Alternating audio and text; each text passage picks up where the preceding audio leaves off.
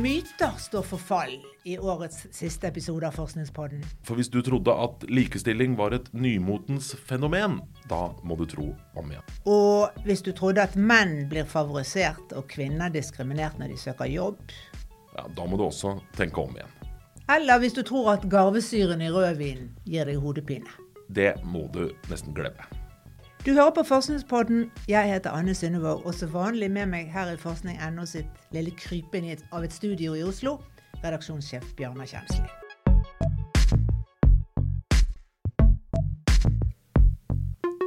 Og først, Bjørnar, kan vi fortelle at nå er det guttene sin tur til å bli diskriminert i arbeidslivet. Vi tuller ikke. Nå er det mennene sin tur til å bli kjønnsdiskriminert. Når de søker jobb, da i hvert fall. Dette har forskere fra en rekke land funnet ut ved å gå gjennom alt som er av studier på dette feltet, i til sammen 26 land. Og de kan fortelle oss at hvis du er kvinne og søker jobb, enten det er en typisk kvinnejobb eller et typisk mannsyrke, så blir du ikke lenger diskriminert fordi du er hunnkjønn. Mens menn derimot som søker jobb, enten det er i et typisk kvinneyrke eller i et mer kjønnsnøytralt yrke, de blir diskriminert. Det vil si, de har mindre sjanse til å bli kalt inn til jobbintervju enn det kvinner har. Og dette slår forskerne fast på grunnlag av 85 studier som er gjort opp gjennom en årrekke, der oppsettet har vært enkelt. De sender inn to fiktive, men identiske jobbsøknader til en utlyst stilling. Den ene søknaden er signert med et kvinnenavn, den andre med et mannsnavn. Og så ser de hvem som ble innkalt til intervju. Og fram til ca. år 2010 så var det sånn at kvinner som søker mannsyrker, blei diskriminert. Og menn som søker kvinneyrker, de ble også diskriminert. Men i dag foretrekker arbeidsgiverne kvinner. Ikke bare til typiske kvinneyrker, men også til kjønnsnøytrale yrker som ja, bartender, revisor eller grafisk designer. Og kvinner som søker seg til mannsdominerte yrker, de pleide å bli diskriminert, men ikke nå lenger. I dag har de like stor sjanse som menn til å bli innkalt til intervju til en jobb som f.eks. lastebilsjåfør eller elektriker. Så verden går fremover, for kvinner iallfall. Det er verre med mannen. For den tydeligste kjønnsdiskrimineringen som foregår i dag når du blir innkalt til første intervju, rammer menn som søker seg til typiske kvinneyrker. Og diskrimineringen rammer også menn som søker seg til kjønnsnøytrale yrker. Og det store skiftet her det kom for 10-12 år siden. Før det så var det kvinner som ble kjønnsdiskriminert når de søkte på jobb. Denne samlestudien omfatter ikke mindre enn 350 000 fiktive søknader som er sendt de siste 40 åra. Men brorparten av studiene er fra 2000-tallet. Og ved Universitetet i Oslo gjorde samfunnsforskere en lignende studie i 2021, da de sendte fiktive jobbsøknader med manns- og kvinnenavn til norske arbeidsgivere. Og de fikk samme resultat som den internasjonale studien. Nemlig at i dag er det særlig menn som diskrimineres i søkeprosessen.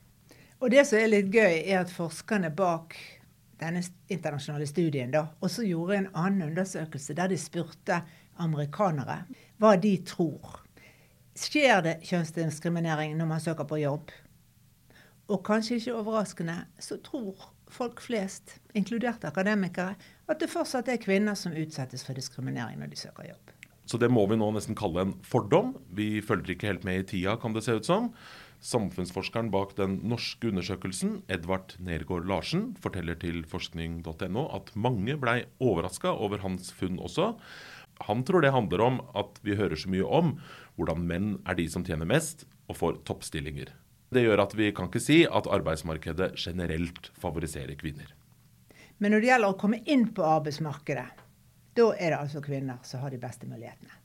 Ja. I 2023.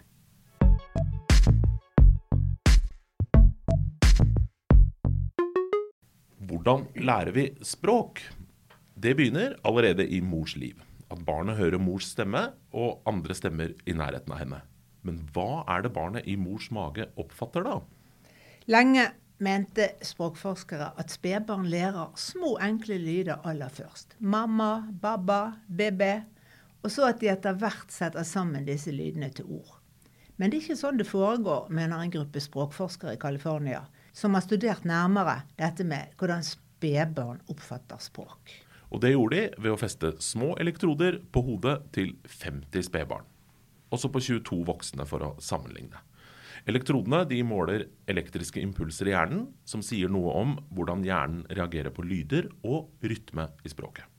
Babyene ble testet når de var fire, syv og elleve måneder. Og Det skjedde ved at de ble vist en skjerm der en førskolelærer fremførte rim og regler. Av typen 'Det var en gammel kone som bodde i en sko, og barna var så mange som 30 ganger to'. Og det forskerne så, var at spedbarna oppfattet rytme og tonefall i språket. Allerede da de var fire måneder gamle, oppfatter de sånne mønstre som dannes i språket av trykk og tonefall og rytme. Og denne evnen utvikler seg gjennom hele det første leveåret.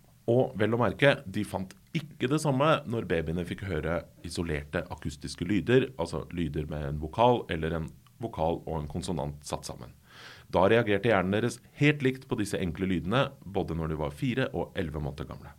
Så det dette tyder på, mener forskerne, er at barnets språklæring begynner med at de oppfatter rytme og tonefall. Spedbarna lærer språk når de hører at ulike stavelser i ordene får ulik vekt, og hvordan tonefallet stiger og synker. Mens det å sette sammen lyder til ord, det kommer seinere. Og dette her, det er jo noe som vi mennesker intuitivt har skjønt lenge før forskninga nå kan vise det. Det er derfor vi har sånne barnerim som bake kake søte dyppe den i fløte. Først i sukker, så i vann. Så kom det en gammel mann.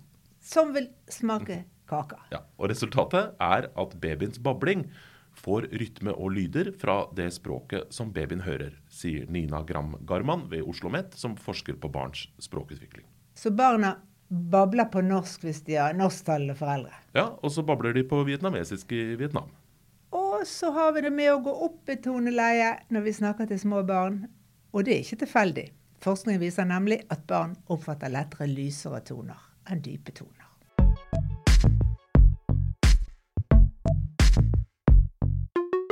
Myter står for fall. Som myten om at i steinalderen så var det han som var på jakt, og hun som sanket bær og sopp og urter. For nå presenterer to amerikanske forskere, kanskje ikke så uventa at det er kvinnelige forskere, en ny tolkning av hvordan folket i eldre steinalder fordelte arbeidet mellom seg i familien.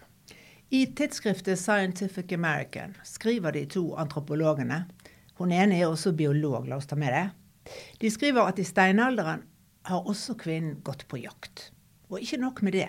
Det var kvinnen og ikke mannen som hadde de beste forutsetninger for den typen jakt som var vanlig i hinehåre dager, nemlig å følge etter et dyr helt til dyret stuper av utmattelse, og så drepe det. For kvinnen er mer utholdende enn mannen når jakta foregår over flere dager. Og Grunnen til det er at kvinnen har kjønnshormonet østrogen i store mengder. Og østrogen, sammen med et annet mindre kjent hormon, som også kvinner har mer av enn menn, som kalles da adiponektin. Disse to hormonene gjør at kvinnen kan bruke fettlagrene sine som energi istedenfor karbohydrater. Og det kan ikke mannen i samme grad. Og fett forbrenner saktere enn karbohydrater og gir dermed lengre utholdenhet. Så kvinnen egner seg best til ultramaratonløp, mens mannen egner seg best til å løfte og bære byttedyret hjem etterpå? Ja, nettopp. For selv om menn presterer bedre enn kvinner også i utholdenhetskonkurranser, fordi de har mer muskelmasse enn kvinner, så er det sånn at når aktiviteten varer over mange dager, da får kvinnen en fordel. Fordi deres muskler holder lenger, og altså de kan bruke mer fett som energi. Og De amerikanske forskerne har gått grundigere til verks enn som så. De mener også å ha arkeologiske bevis for teorien sin om at kvinner har jaktet storvilt for 10 og 20 og 40 000 år siden, i det vi kaller eldre steinalder. Og da tyr forskerne til etterlevninger av neandertalere som viser at deres skjeletter har samme mønster av bruk og slitasje uavhengig av kjønn. Og det tyder på at de gjorde de samme tingene, enten det var å bakholdsjakte ville dyr eller å behandle dyrehud og lage skinnklær. Ja, og når neandertalerne ikke holdt kvinnene ved kjøkkenbenken, da gjorde ikke de nære slektningene Homo sapiens det heller, kanskje? Det er vel tanken. Men forskerne viser også til hva man har funnet i gravene til eldre steinaldermennesker. Og da snakker vi det moderne mennesket, ikke neandertalere. Og her ser de at menn og kvinner ble gravlagt på samme måte og med de samme gjenstandene som de fikk med seg i graven. Og det tyder på at de to kjønnene var likestilte i livet også. Folk i eldre steinalder var generalister, mener Cara Okobok, en av forfatterne bak artiklene i Scientific American. Det var ikke nok mennesker i gruppa til at de kunne koste på seg å spesialisere seg på ulike typer arbeid. Alle måtte bidra i jakta og i arbeidet i hjemmet, eller i hula, da, om du vil. De måtte være generalister for å overleve, rett og slett. Denne forskningen sier ikke nødvendigvis noe om hvordan det var i Norge etter istiden. For den ser på eldre steinalder for 10 000-45 000 år siden. I land lenger sør som ikke var dekket av is. Her oppe i nord forsvant jo ikke isen før for 11 000 år siden. Og norsk eldre steinalder var nok noe annerledes, mener arkeolog Aksel Mjærum ved Kulturhistorisk museum. Ja, den type jakt som gikk over mange dager, den foregikk ikke i Norge. Selv ikke i steinalderen, sier Mjærum. Det norske steinaldersamfunnet hadde mer kompleks teknologi, og de brukte mange former for jakt og fiske og sanking. Og det er ikke noe tvil om at noe av det har vært kjønnsdelt, mener han. Som får meg til å tenke på denne halsbrekkende jakten på haien Håbrand fra kajakk som vi snakket om i forrige episode av Forskningspodden. Da var det mye ren muskelkraft som måtte til i tillegg til snedige fangstmetoder. da. Ja, eksempel. Men hvor mye av arbeidet som var kjønnsdelt i norsk eldre steinalder, det veit vi ikke, sier Bjærum. Men tilbake til de to artiklene i Scientific American, der forskerne Cara Okobok og Sarah Lacey skriver at det er på høy tid å begrave teorien om mannen, jakteren, for godt. Denne man the hunter-teorien ble lansert på slutten av 60-tallet av to du gjetta riktig, mannlige sosialantropologer. Og den teorien går ut på at det er jakta, og da mannens jakt, som var selve drivkraften bak menneskets evolusjon. At det var behovet for kommunikasjon og organisering under jakta som tvang fram en skarpere hjerne hos det moderne mennesket. Og at i denne prosessen så var kvinnen heller en passiv tilskuer, som hadde nok med å passe barn, sanke urter og, og steke kjøttet. Noe som ikke krevde samme hjernekapasitet, åpenbart ifølge Man the Hunter-teorien. Men i 2023 er det altså Woman the Hunter-teorien som gjelder. Så kan vi jo mistenke de to kvinnene bak den nye teorien for å søke bekreftelse på det de ønsker å finne. Men det samme kan du også si om den tradisjonelle fortellinga om steinalderen. Om den sterke mannen som jakter moskus og rein, og den hulekjære kvinnen som sankes opp og bær også. At mennene bak den teorien kan ha gått i en bekreftelsesfelle? Ja, kanskje det.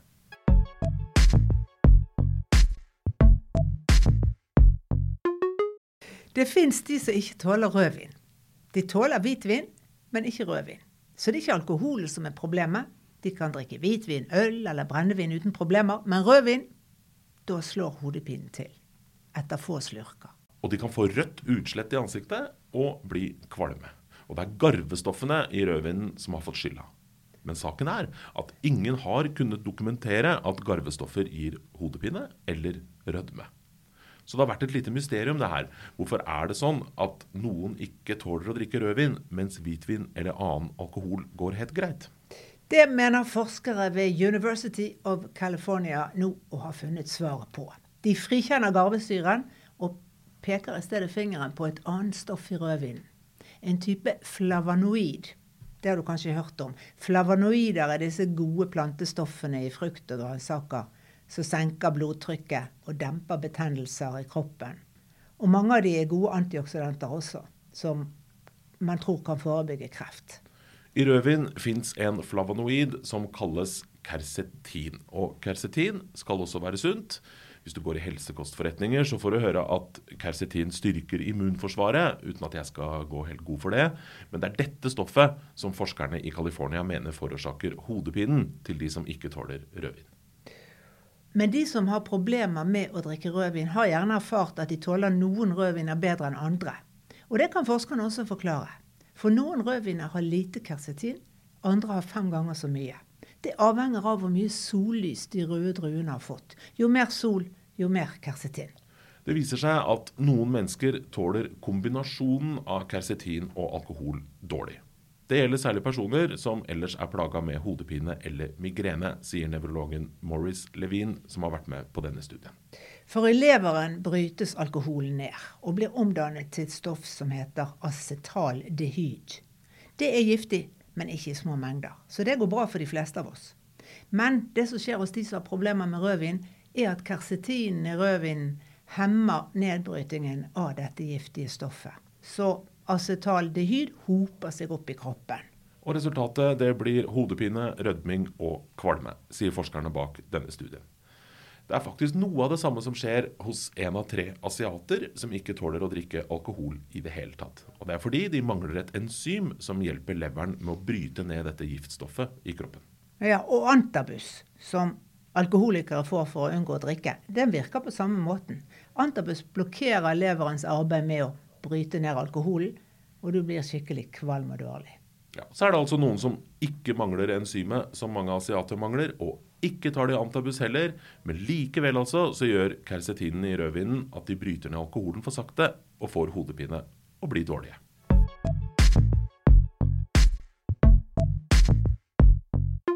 Vi har et husdyr vi, som har temmet seg selv. Har du tenkt på det noen gang, og hvilket dyr det kan være? Ikke før jeg leste det på forskning ennå. Det er katten. Huskatten. Og det var i dagens Irak, i området mellom elvene Eufrat og Tigris, som gjerne kalles Det gylne triangel, det var her at villkatten temmet seg selv. For det var her at jordbruket først oppsto. Så gjennom en lang evolusjon så tilpasset villkatten seg menneskene og ble mindre aggressiv og mer barnslig og kjælen. Og så, etter hvert for over 2000 år siden, så vandret huskatten inn i Europa også. Og her ønska sikkert bøndene huskatten varmt velkommen. De var garantert skikkelig lei av rotte- og museplagen i kornlagerne og på kjøkkenet. Men da huskatten kom til Europa, så fantes det allerede villkatter her. Og villkatten er på ingen måte tam. Villkatten og tamkatten regnes faktisk i dag som to ulike arter. Du kan se det på utseendet også. Selv om villkatten ligner på tamkatten i kroppsform, så er den litt større, og den har større hjørnetenner, mindre øyne og lengre nese. I dag finner du villkatt i mange land i Europa, i skogs- og busklandskap. Den lever av gnagere og harer, men den fins ikke her i Skandinavia. Du må til Frankrike eller Tyskland eller Sør- eller Sentral-Europa for å finne den. Og nå har britiske forskere funnet ut at villkatter og tamkatter ikke har blandet seg. De har ikke paret seg med hverandre på disse 2000 årene.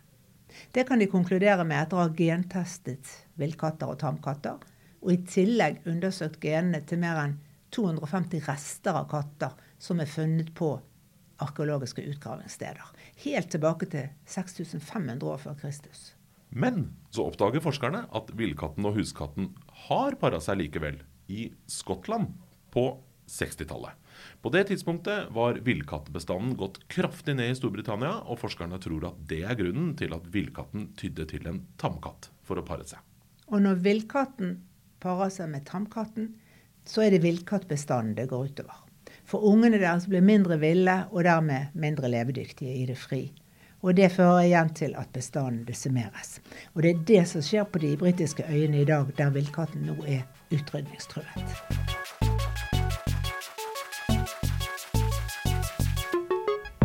Forskningspodden er forskning.no sin egen podkast. Jeg heter Anne Synnevåg. Og jeg heter Bjørnar Kjensli. Vi er tilbake på nyåret. Takk for at du hører på.